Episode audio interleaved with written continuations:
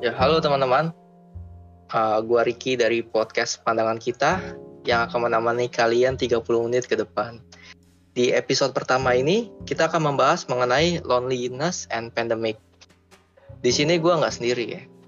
Di sini uh, gua ditemenin sama Musa Jan nih. Halo Musa Jan. Halo guys. Senang sekali bisa jumpa nih hari ini. Iya.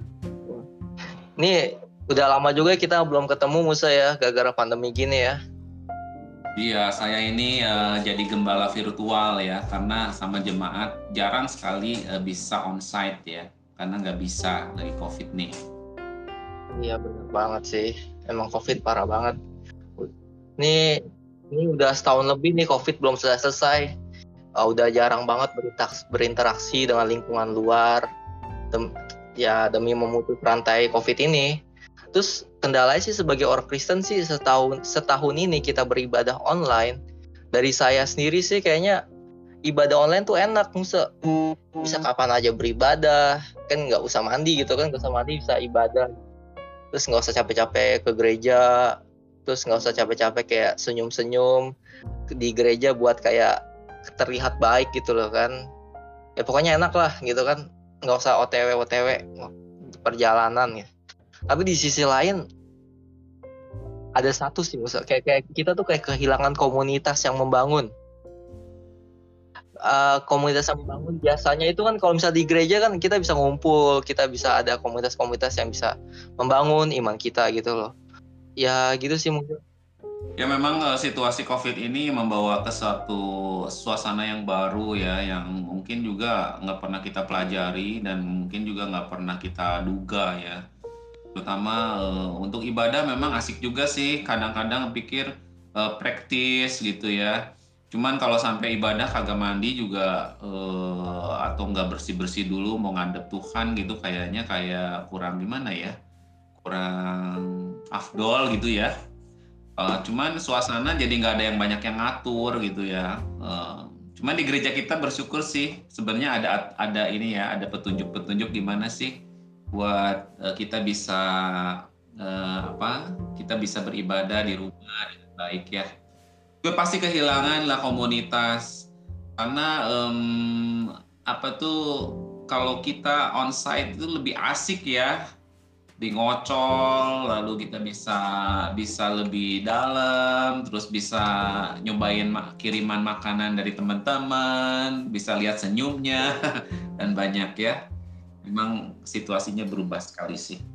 Iya. Terus kayak terus uh, pendapat Musa gimana tentang kayak komunitas itu loh? Soalnya kayak komunitas itu uh, membuat kayak iman kita tuh kayak semakin lemah gitu karena nggak ada teman-teman yang support sistem kita nih yang biasanya kayak uh, ayo dong gitu kayak gereja gereja gitu kan bisa kan gereja kan buat nge-charge gitu buat kalian ngobrol sama teman gitu. Tapi kan ya karena memang komunitas itunya nggak ada jadinya tuh ya hilang gitu. Soalnya kalau misal di online misalnya kayak misal kita kan ber bercengkrama nih kayak di zoom atau di chatting lah gitu. Tuh kadang-kadang ya vibe-nya beda gitu sama kalau ketemu sama online gitu Musa. Iya memang beda banget sih langit dan bumi. Kalau di online itu kan kita bisa menyembunyikan diri ya bisa pakai PP-nya doang yang muncul kalau enggak emojinya yang muncul. Kalau enggak kita enggak pakai videonya. Kayak kalau sekarang kita kan sembunyi semua ya. Sembunyi dari pakaian kita yang belum mandi dan lain sebagainya. Tapi memang penting banget sih uh, kalau ada ibadah onsite itu memang asik banget ya. Kita bisa bisa lebih in bisa lebih uh, apa tuh uh, taste taste itu community-nya itu kerasa gitu loh. Beda sok coba kalau kita nyanyi sendirian di rumah terus uh, kalau nyanyi bareng di vokal group pasti beda lah rasanya. Demikian juga kalau ketemu sama teman-teman ya pasti wah beda lah ya. Beda mangkoknya kalau makan bakso tuh beda mangkoknya. Iya iya benar banget sih. Terus ini apa namanya uh, kita tuh selalu minim komunikasi dengan orang lain itu. Terus kadang bikin saya sendiri tuh kayak ngerasa mental mental tuh kayak kena gitu. Karena kenapa? Karena memang kayak di rumah tuh kayak kayak bosen bosen bisa menghasilkan stres gitu loh. Kayak misalnya kurang komunikasi sama orang-orang luar karena memang kan kayak kondisi pandemi ini gitu loh. Jadi tuh sebenarnya tuh yang saya pengen tanya tuh sebenarnya pandemi itu sebenarnya membuat kita tuh menjadi apatis atau memang sebenarnya bikin kita peduli sama sesama gitu loh. So dari saya sendiri kan kayak uh, apa namanya semakin kita jarang ketemu sama orang tuh kayak membuat skill komunikasi kita gitu jadi lebih berkurang gitu. Kayak pengennya tuh jadi rumah aja gitu. Kayak kayak ada sesuatu yang berubah gitu loh. Kayak lebih enak di rumah kayak jadi introvert gitu yang harusnya dulunya extrovert gitu ya memang uh, situasinya sangat berubah sekarang ini ya Rick ya. Uh, saya juga prihatin bang sih karena uh, apa tuh uh, kita ini benar-benar menghadapi situasi yang sangat berubah ya. Sehingga banyak hal bisa terjadi ya. Seperti tema kita hari ini kan menarik banget ya bagaimana loneliness dan pandemik ini mempengaruhi kita secara uh, keseluruhan ya terutama psikologi kita uh, kalau berbicara tentang loneliness itu kan kita um, ada hal yang umum dan ada yang khusus ya kalau menurut pandangan umum dan menurut pandangan psikolog ya gitu. Hmm, oke. Okay. Terus kira-kira Musa ada buat kita kayak sesuatu tentang pandemi sama kesepian gitu Musa? Soalnya kan sepi banget nih mungkin ada masukan gitu. Nah, banyak sih eh, kira-kira apa yang mau ditanya dulu nih eh, apa tuh Ricky? Ya kayak misalnya sebenarnya di selama pandemi itu harusnya tuh kayak tipe-tipe ini deh, tipe-tipe kayak kesepian tuh sebenarnya apa sih Musa? Kan soalnya juga akan banyak kan pasti itu. Ya, begini ya. Jadi kesepian itu uh, kalau banyak orang mendefinisikan sebagai perasaan kehilangan, tidak puasan yang dihasilkan oleh ketidaksesuaian ya jenis hubungan sosial yang kita inginkan dan jenis hubungan sosial yang kita miliki. Ya ini menurut Palman ya. Uh, lalu kalau secara umum lah dengan bahasa yang gampang itu eh, kesepian itu bisa didefinisikan sebagai sesuatu keterpisahan dari keramaian atau sendiri ya tidak memiliki teman ya itu jadi secara umum itu jadi orang yang loneliness itu ya sendiri kalau loneliness eh, banyakkan ya itu secara umum bukan loneliness berarti gathering ya ada kebersamaan. Tetapi secara psikologi kita bisa merasa sepi di di, di, di tengah keramaian ya karena kalau menurut uh, psikologi itu kesepian itu adalah suatu keadaan pikiran dan perasaan kondisi perasaan kita kondisi tersebut menyebabkan seorang itu menjadi rasanya hampa hampa di tengah-tengah banyak penghiburan rasa sendiri merasa tidak diinginkan orang lain padahal orang lain ingin bergaul dengan kita tetapi kita merasa tidak diinginkan gitu, tidak diterima ya. Jadi ya dia itu bisa seorang itu bisa merasa kesepian, menambahkan kontak dengan manusia lain, tapi dia nggak sanggup untuk menerima uh, masukan atau interupsi dari orang lain, sehingga dia benar-benar loneliness ya kalau dari psikologi. Jadi kita bisa lihat secara umum dan secara khusus uh, ininya ya. Nah biasanya orang itu ada beberapa ciri sih ya, uh, ciri kesepian ya. Saya lihat dari kompas.com itu orangnya merasa cepat lelah ya. Kalau orang yang kena kesepian itu cepat lelah, hidupnya tuh cepat capek gitu, nggak bergairah mau ngapain-ngapain gitu ya. Terus banyak mikirin materi, banyak mikirin tentang hal-hal yang uh, dibutuhkan gitu ya. Misalnya oh, butuh apalah misalnya butuh uang gede gitu. Padahal nggak dibutuh-butuhin amat gitu uang ya kayak zaman sekarang saya terus terang irit banget ya hidup ya. Jarang keluar jarang jajan uang satu juta utuh ya. Mau akhir bulan tetap utuh gitu. Nah jadi itu lalu ini juga ada gejala yang unik nih. Kalau mandi terlalu lama katanya gejala kesepian. Jadi maksudnya udah masuk stres gitu ya. Jadi yang mandi suka lama-lama ya ini warning ya. Jangan lama-lama di kamar mandi lalu uh, tidak berhenti nonton tuh ciri-cirinya yang lain ya ciri-ciri kesepian tuh. Jadi cari peralihan nonton sampai larut pagi ya, bukan larut malam lagi ya, larut pagi. Lu merasa lebih stres walaupun keadaan rileks gitu nggak ada kerjaan apa-apa tapi kayaknya tuh bebannya rasanya berat gitu. Lalu menghabiskan banyak waktu di media sosial. Nah ini gejala-gejala misalnya nge-WA bisa sampai 6 jam gitu ya. Nah itu juga nggak normal ya. Jadi banyak menghabiskan waktu yang nggak pugu di media. Lalu eh, berat badan bisa meningkat, bisa ini, bisa menurun drastis ya, karena eh, kurang kurang mood ya. Lalu sakit misalnya gejala yang kesembilan itu sakit nggak kunjung padem.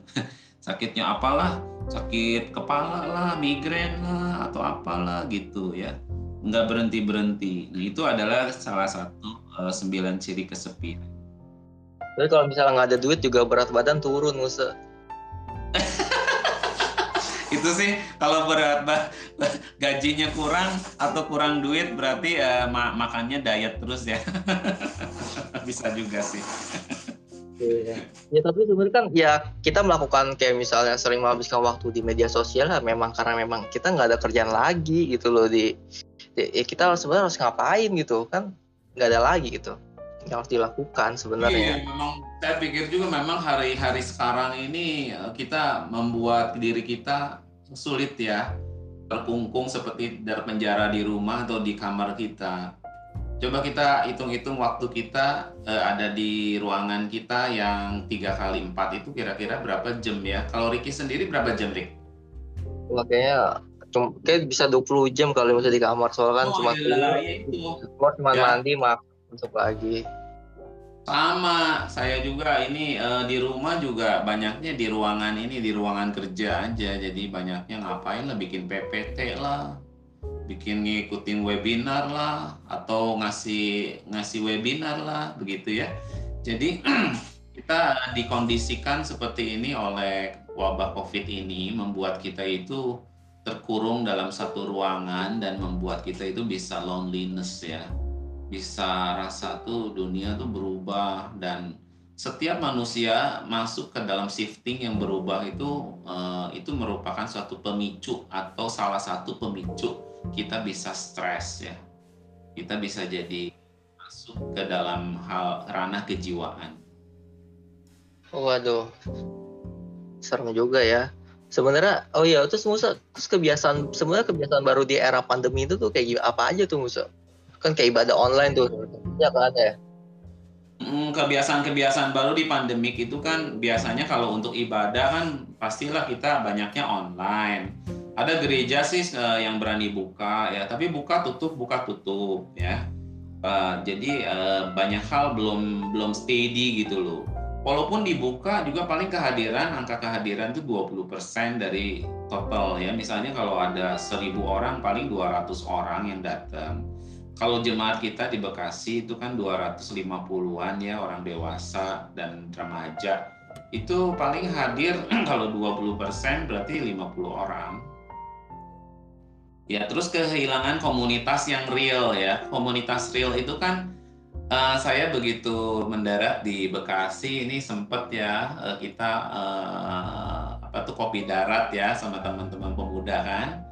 Ya, para pengurus. Itu beda ya kalau kita ngobrol di Zoom tuh beda loh suasananya ya.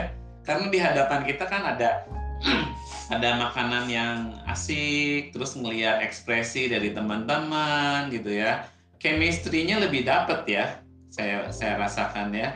Jadi lebih smooth gitu terus lebih apa ya lebih deket ya kita rasakan.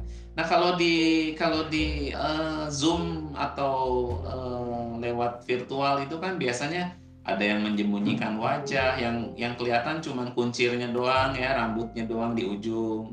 Kalau enggak yang kelihatan apanya gitu. Kalau bahkan ditutup ya jadi uh, memang beda ya, beda sangat sangat beda sekali ya. Lalu uh, kebiasaan baru di pandemik ini orang ngabisin waktu. Tadi seperti uh, Ricky bisa 20 jam. Coba bayangin ya, kalau 20 jam ngapain aja ya di kamar gitu ya. Sehari dua hari sih seneng ya kalau yang introvert. Tapi kalau yang ekstrovert yang sanguin itu tersiksa banget loh ya yang ekstrovert itu butuh butuh keluar gitu. Kalau enggak dia stres. Stres abis ya. Oh, oh. tapi kalau yang yang introvert uh, rada mending lah. Rada mending ini memang dunia gua. Tapi lama-lama juga boring juga ya. Gila ya 20 jam gitu. Atau eh, 18 jam lah. Eh, 8 jam 8 jam lagi dipakai apa? 16 jam di 8 eh, jam dipakai buat istirahat tidur gitu. Tapi anak muda kayaknya biasanya lebih ya. Tidurnya paling 3 jam ya anak muda ya. Oh, enggak, Musa 10 jam Musa biasa mah. Oh. kirain kirain aku uh, itu anak muda sekarang 3 jam tidurnya luar biasa. Kalau anak muda sekarang sukanya ini Musa apa sukanya mimpi doang Musa tapi ngelakuinnya tuh jarang gitu. Oh ya memang uh, ya anak muda sebenarnya perlu perlu punya mimpi ya. Perlu punya mimpi supaya lebih bergairah hidup bisa lebih berwarna gitu ya. Misalnya oh gue mimpi nih mau mau kuliah ke luar negeri gitu. Itu is a good dream ya saya pikir.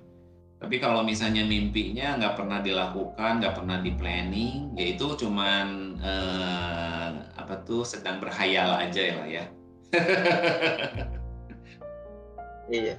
Oh iya, Musa sebenarnya tuh sebenarnya Tuhan tuh maunya apa sih Musa di pandemi ini gitu? Kalau misal kalau dari saya sendiri sih kayak uh, Tuhan tuh kayak pengen kita tuh recover dari hal-hal yang kayak rutinitas kita setiap hari gitu. Misalnya kita ngapain kita tuh pengen keluar dari itu dari zona nyamannya itu. Mungkin dari keluar dari kita recover kita bisa lebih bisa lebih mengisi mengisi atau bikin energi baru untuk melanjutkan rutinitas kita atau mungkin kita bisa sebelumnya tuh yang sesuatu yang hal yang nggak kepikiran jadi kepikiran terus jadi membuat suatu peluang-peluang baru yang mungkin Tuhan tuh pengen kita tuh di situ itu loh tempat lu sebenarnya gitu. Bukan di rutinitas yang kita jalani sebelumnya. Sebenarnya tuh apa sih musuh uh, yang Tuhan pengen gitu?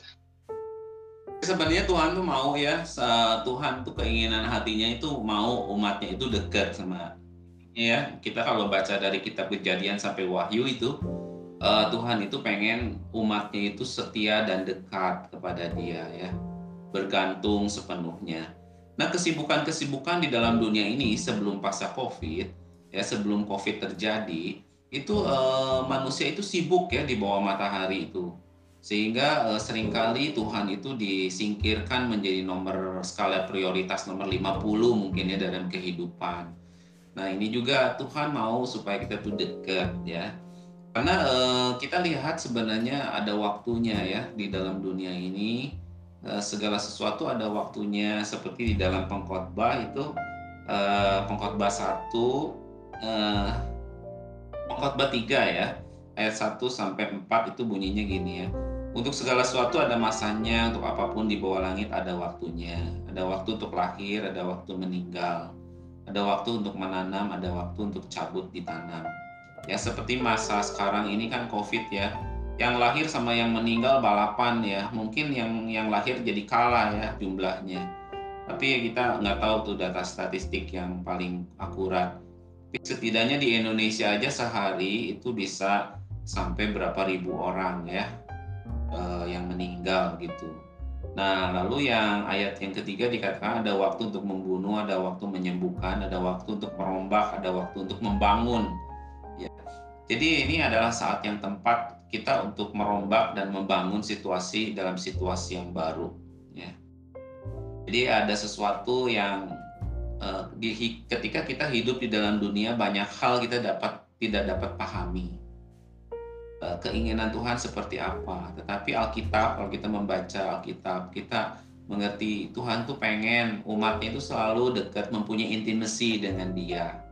Dan pada masa pandemik ini sebenarnya kita tuh diuji sebenarnya ya. Diuji apakah kita tuh dekat nggak sih sama Tuhan gitu. Apa kita hanya dekat dengan ritual atau dekat dengan teman? Karena kadang-kadang kan orang muda ke gereja eh, tujuannya salah satu tujuan utamanya kan ketemu temen ya Bener nggak, Rick? nggak mungkin ke gereja mau mau ketemu tong sampah gitu kan? Nggak kan? nah, Jadi memang uh, ada sesuatu yang perlu kita pahami. Lalu uh, karena sesuatu ada waktunya, ini adalah waktunya shifting. Shifting itu kita berubah ke dalam situasi kondisi yang berbeda dari keadaan dunia yang sebelumnya.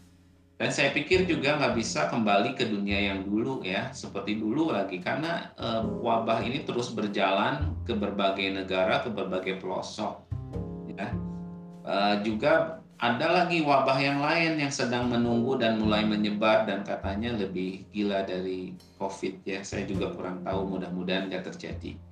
Nah, jadi ini benar-benar kita shifting, e, pindah ke situasi uh, new normal lah kata orang lain ya situasi yang benar-benar uh, baru. Nah, kalau orang pindah shifting kepada situasi yang baru, berarti akan timbul budaya yang baru.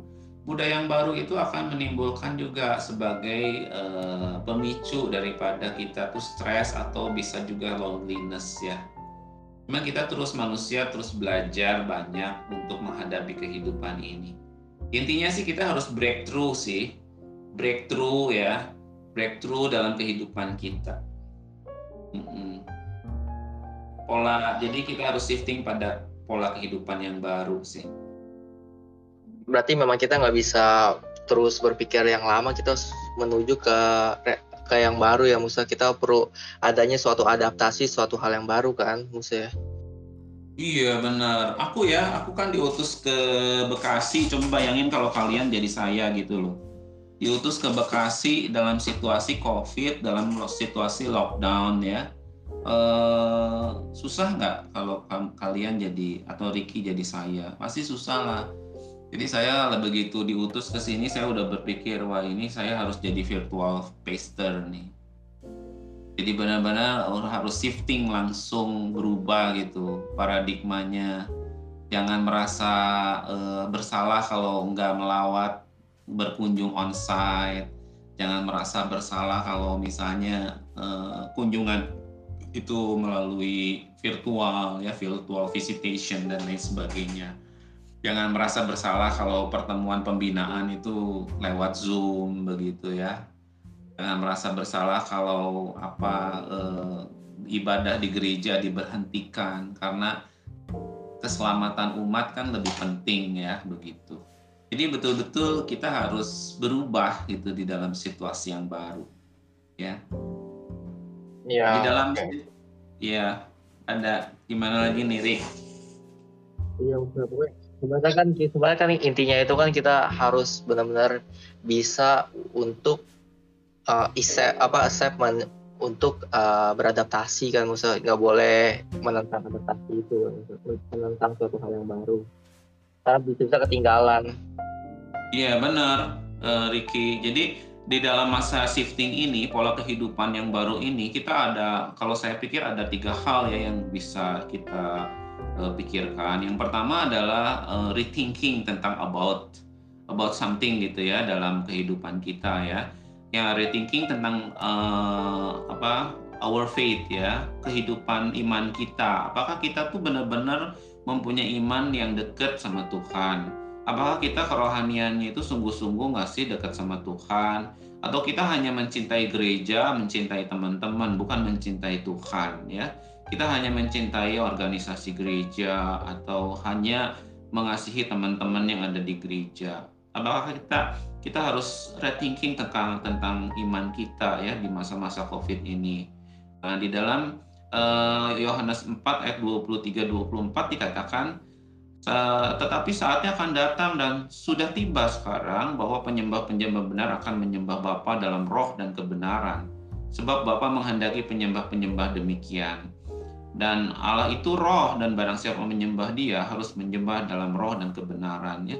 Ini adalah suatu di dalam kitab Yohanes ini uh, penerangan khusus ya bagi kita bahwa ibadah itu bukan hal yang uh, seperti harus di Yerusalem atau di uh, tempat lain begitu ya. Tetapi betul-betul kita iman kita tuh nyangkut gak ketika kita beribadah secara online di rumah apakah kita mempunyai uh, iman yang sungguh gitu yang beribadah yang sungguh kepada Tuhan ya uh, itu juga perlu di rethinking uh, dalam hidup kita. Juga rethinking about life ya tentang uh, makna hidup kita tuh ngapain ya di dunia. Sekarang itu uh, orang yang dalam zaman Covid ini kita di, diperhadapkan banyak kematian ya, ada kakak ada kakak, ada adik, ada papa, mama. Saya sangat terharu banget ya ada banyak berita. Anak-anak kecil papa mamanya udah meninggal. Padahal umur mama papanya juga belum sampai 40 ya. Jadi anak-anak kecil itu ditinggalkan orang tua karena covid ya karena meninggal. Jadi eh, kita harus uh, rethinking about uh, faith dan about life ya kehidupan kita juga kita harus rethinking pemikiran kita tentang keabadian ya. Keabadian kita apakah kita bisa masuk dalam keabadian yang Tuhan inginkan? Enggak. Nah itu kan semua ada di Alkitab ya. Nah, sekarang yang kedua adalah shifting dalam pola kehidupan yang baru, yaitu tentang ibadah. Ibadah itu relasi dengan Tuhan dan e, sesama itu bagaimana begitu kan kita kadang-kadang terjebak pemikiran harus on-site begitu ya Sebenarnya ibadah yang sejati Tuhan sudah menuliskan di dalam Roma 12 ayat 1. Karena itu saudara-saudara demikian kemurahan Allah aku menasihatkan kamu supaya kamu mempersembahkan tubuhmu sebagai persembahan yang hidup, yang kudus dan yang berkenan kepada Allah itu adalah ibadahmu yang sejati. Jadi ibadah itu nggak bisa dipatok, eh, dikurungin hanya di gereja. Jadi kita ketika kita bisa membantu sahabat-sahabat kita, atau ketika kita bisa caring, berempati, itu juga suatu ibadah. Ketika kita menghormati orang tua kita di rumah, itu juga ibadah. Ketika kita mengurus diri kita, hmm, itu juga adalah ibadah. Ketika kita memperlengkapi kita dengan pengetahuan, itu juga adalah ibadah. Yang penting tubuh kita di mana pun berada, kita dalam keadaan hidup yang kudus, yang berkenan kepada Allah, itu adalah ibadah yang sejati. Tetapi kita sebagai manusia adalah makhluk sosial ya. Jadi ibadah komunal itu eh, seperti di gereja itu adalah suatu kebutuhan kita juga ya. Bahwa memang dari kita kejadian sampai wahyu itu me, Tuhan tuh ingin umatnya itu bersatu, beribadah bersama-sama ya. Jadi ada waktunya kita beribadah bersama-sama, ada waktunya kita eh, beribadah uh, sendiri ya private ya private seremonial kita sendiri di hadapan Tuhan. Nah, mungkin ini adalah ibadah mungkin kita saat COVID ini bisa saat teduh pribadi lebih kusuk ya. Bisa melihat diri kita tuh sebenarnya kita ini uh, penyembah Allah yang sejati atau bukan. Mungkin nanti kalau on-site pun kita di gereja pasti akan liturginya agak ber berbeda dengan yang sebelum COVID ya, karena banyak aturan-aturan, banyak uh, protokol-protokol kesehatan yang harus kita lalui dan lain sebagainya. Yang terakhir sih, Rick, mungkin ini saatnya shifting dalam kehidupan pola kehidupan yang baru itu eh, kita pasti punya rel pola relasi yang baru ya yang disesuaikan. Mungkin pertemuan disesuaikan keadaannya, pola relasi seimbang antara onsite dan virtual itu kita harus pikirkan. Jangan sampai kita 20 jam atau 18 jam ada di ruangan yang sama tanpa berubah posisi duduk dan lain sebagainya ya. Itu akan merusak tubuh dan jiwa kita sebenarnya. Jadi ada waktunya kita, oh kayaknya kita harus waktunya jalan nih jalan sore atau jalan pagi ya jalan aja. Oh waktunya berenang berenang aja, tapi sekarang berenangnya jangan komunal dulu gitu. atau jalannya jadi kemarin baru ada telepon tuh dari teman saya yang di kota baru ya jemaat itu. Nah, sekarang kalau jalan kalau dulu itu jalan 20 orang gitu, 30 orang ngabring-ngabringan gitu ya bareng-bareng Eh, bisa ngobrol tentang bisnis, tentang saham, tentang apa. Tapi sekarang paling uh, punya temen dua tiga orang cukup. Ya jadi suatu relationship yang baru dan uh, tetap kita harus melakukannya. Terus mungkin perlu ada juga punya sahabat ya, grup sahabat yang saling perhatiin karena ini perlu banget. Zaman sekarang itu orang terlalu banyak sendiri sehingga nganggap diri itu bisa mengatasi sendiri. Padahal kita adalah makhluk sosial yang butuh pertolongan orang lain. Minimal butuh untuk didengerin gitu, didengerin atau uh, butuh untuk uh, apa tuh uh, di caringin atau diperhatikan gitu ya. Nah kalau orang yang udah masuk uh, loneliness yang dalam itu akan masuk ke ranahnya uh, stres ya stres yang lebih dalam nanti kalau udah stres lebih dalam bisa jadi depresi kalau udah depresi udah susah ya menanganinya harus uh, pada ahli gitu. Tapi nggak kerasa lo sekarang udah 1841 nih Ricky. Kita mau iya, terus dari tadi. Iya benar. Iya. Iya.